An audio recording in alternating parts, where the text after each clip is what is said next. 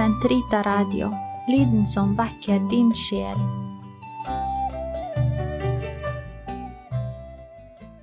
Kroppens teologi, en kommentar til pave Johannes Paul 2.s onsdagskatekeser av Eirik Ambrosius Stenhoff.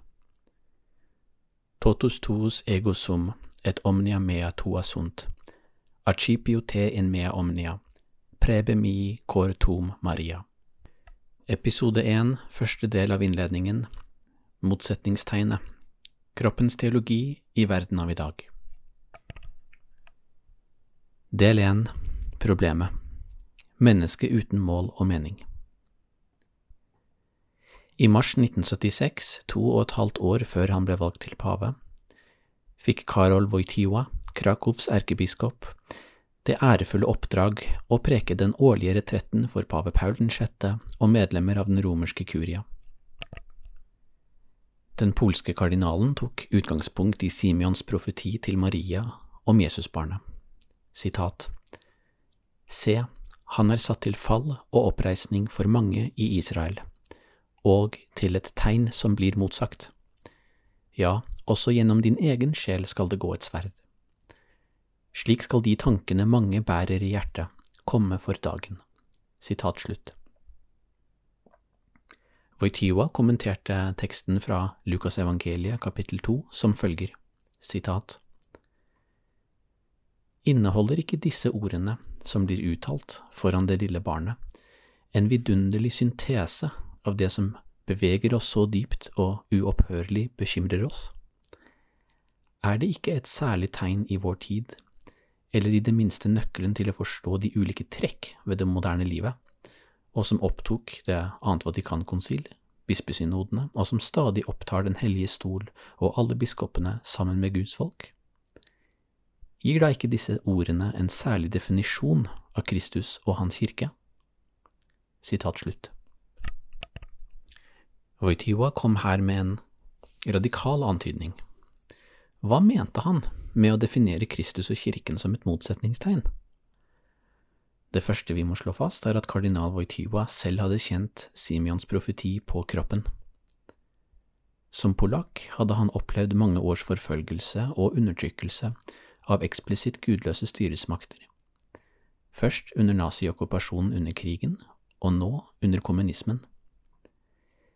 Men den pessimistiske grunntonen i retrettmeditasjonene var ikke uten et anstrøk av håp. Han kunne fortelle paven og kuriemedlemmene om en flammende tro i sitt hjemland Polen, særlig blant de unge, i et samfunn der troen var kraftig undertrykt. Han fortalte at polske menigheter for tiden organiserer mange retretter for unge, og etterspørselen er så stor og ressursene så knappe at de er nødt til å avvise mange.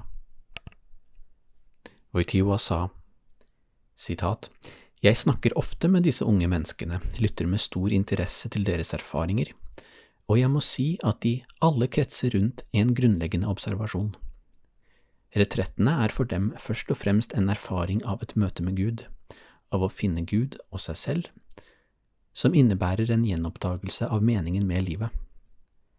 Disse ungdommene kommer svært ofte fra det store mørket som omslutter dem, et mørke som er skapt av hele det sekulære og antireligiøse offentlige utdanningssystemet.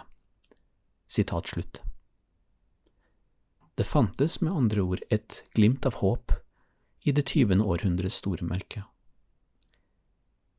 Derfor hadde Wojtyła knyttet Simeons profeti om motsetningstegnet til det som kalles hans lovsang. Sitat. Herre, nå kan du la din tjener fare i fred, etter ditt ord for mine øyne har sett din frelse, som du har beredt for alle folkenes åsyn, et lys til åpenbaring for hedningene og herlighet for ditt folk Israel. Sitat slutt. Voitiwa ba, sitat, Måtte dette lyset styrke oss og gjøre oss i stand til å godta og elske hele sannheten i Kristus, og elske den enda mer jo mer verden motsier den. Sitat slutt. Det var hans erfaring med polsk ungdom. De oppsøkte kirken med brennende iver i et samfunn som var offisielt ateistisk, et samfunn som var blitt grått og kaldt. men vi aner også at han med de ulike trekk ved det moderne livet siktet til noe annet. Den polske kardinalen var bekymret over den økende sekulariseringen og kollapsen han så innad i kirken og over hele den vestlige verden. Etterkrigstidens nyvunne fremskrittstro hadde for Wojtyła bare reist det samme fundamentale spørsmålet på en ny måte. Hva er egentlig et menneske? Kardinalen viste senere i retretten til pave Paul 6.s rundskriv Humane Vite fra 1968, som hadde stadfestet kirkens prinsipielle avvisning av alle former for kunstige prevensjonsmidler. Der heter det, sitat, Det må forventes at ikke alle like enkelt vil godta denne læren, men det er ingen overraskelse for kirken at hun, ikke i mindre grad enn sin guddommelige grunnlegger, er dømt til å bli et motsetningstegn. Humane Vite, kapittel 18. Sitat slutt.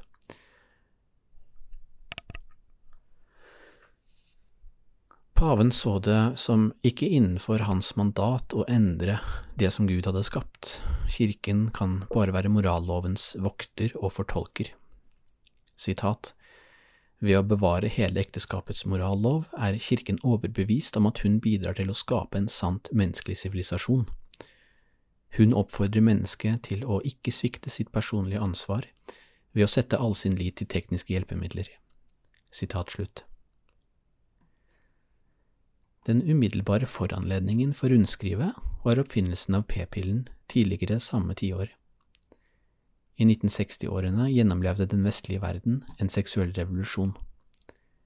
Et viktig premiss for denne revolusjonen var nettopp den frie tilgang til kunstige prevensjonsmidler, og separasjonen av seksualakten fra forplantning, som Humane Vite avviste. Humane Vite førte til utbredt dissens blant katolske moralteologer, samt i noen bispekonferanser. På menighetsnivå og i livene til folk flest var den pastorale oppfølgingen av Humane Vite oftest helt minimal.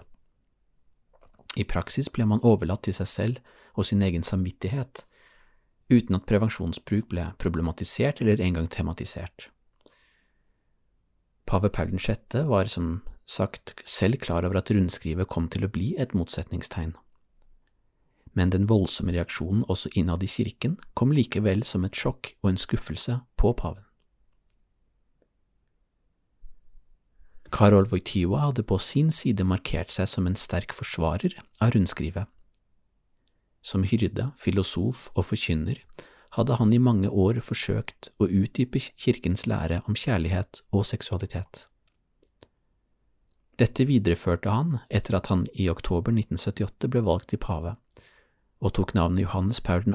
etter sin forgjenger. Med seg til Roma hadde han et manuskript på polsk med tittelen Til mann og kvinne skapte han dem. Allerede året etter, i september 1979, begynte han sine ukentlige katekeser hver onsdag på Petersplassen, basert på manuskriptet som han hadde oversatt til italiensk. Mellom 1979 og 1984 holdt paven 129 slike katekeser, som senere er blitt mest kjent under navnet Kroppens teologi. Det neste halvåret skal jeg presentere onsdagskatekesene om kroppens teologi her i Sankt Rita Radio. Det skal jeg gjøre i 24 ukentlige episoder, hver inndelt i tre kortere deler som sendes mandag, onsdag og fredag klokken 20.45. Episoden som helhet sendes den påfølgende søndag klokken 19.00. I de første tre episodene vil jeg gi en innføring i bakgrunnen for kroppens teologi, hvem pave Johannes Paul 2. var, og hvordan vi skal nærme oss dette omfattende og teologisk og filosofisk avanserte verket. Kroppens teologi er blitt stående som et av de vesentligste bidrag til den kristne lære om mennesket, også kalt antropologien, i moderne tid. Selv om den umiddelbare bakgrunnen kan sies å være avvisningen av Humane Vites autoritet i den katolske kirke, har onsdagskatekesene et nedslagsfelt som er langt større enn seksualetikkens område. Det er faktisk mer riktig å si at konklusjonene innenfor seksualetikken følger naturlig av den helhetlige antropologien som pave Johannes Paul 2. underviser om og som Humane Vite også viste til behovet for. I et helhetlig perspektiv på mennesket vil man nettopp ikke kunne skille ut noen områder av livet fra de andre, og særlig ikke det som har med vår kjærlighet å gjøre. Under den pavelige retretten hadde Wojtyła bedt om at kirken måtte gjøres i stand til å godta hele sannheten om Kristus. Pave Johannes Paul 2. ønsket å forkynne hele sannheten, men nettopp en, gjennom en appell til mennesket selv. For ham var det viktig å understreke at Humane Vite ikke bare er en streng morallov som kommer ovenfra og som ikke kan integreres i menneskelivet eller i erfaring. Tvert imot samsvarer rundskrivets lære med selve den kjærlighetens lov som er innskrevet i vår natur og vår kroppslighet, som vi er skapt for. I sitt første pavelige rundskriv skrev Johannes Paul 2.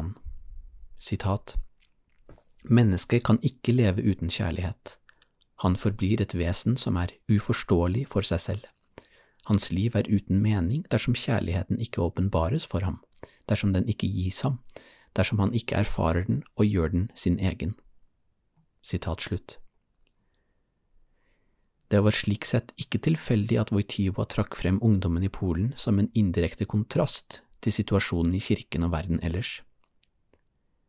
For ham ble deres iver etter å følge Kristus i alle ting, en etterfølgelse med reelle kostnader og konsekvenser, et vitnesbyrd som sto i motsetning til den tiltagende sekulariseringen av livet i vestlige land. Men han ville dermed også si noe om at det eksplisitt ateistiske polske regimet og de vestlige liberale demokratier har noe vesentlig til felles. De er begge samfunn preget av en teknologisk kontroll over stadig flere områder av livet, også seksualiteten, og en viss forståelse av hva mennesket og det gode liv er. Og det er kunstig prevensjon bare ett av mange synlige uttrykk for. I dag er uttrykkene enda flere, og de grunnleggende tendensene enda mer markante. Og er våre utdanningssystemer, vår kultur, noe mindre antireligiøs enn det var i Polen. Karol Wojtyła avsluttet retrettuken for paven og hans kuria med å slå fast at forfølgelse i dag ikke er det samme som på det romerske imperiets tid. Så sa han, sitat, Vi lever i en tid hvor hele verden erklærer samvittighetsfrihet og religionsfrihet, og også i en tid hvor kampen mot religion, som er definert som opium for folket, utøves på en slik måte at man, så langt det er mulig, ikke skaper nye martyrer. Sitat slutt. Forfølgerne kan hevde at forfølgelsen ikke finner sted, fortsatte han, for vi er uansett lovet den fulle religionsfrihet. Og nok en gang må vi slå fast at Wojtyła neppe bare sikte til falskheten ved de sovjetiske nikkedukkene som hadde makten i Polen. Det virker som om den nye forfølgelsen forsøker å skape paradis på jord, simpelthen ved å ta fra mennesket den styrke han finner i Kristus, sa den polske kardinalen, en styrke som er blitt fordømt som svakhet og uverdighet. Men, la han til, sitat, det mennesket som har funnet sin styrke i troen, lar seg ikke så enkelt skyve inn i den anonyme massen. Sitat slutt.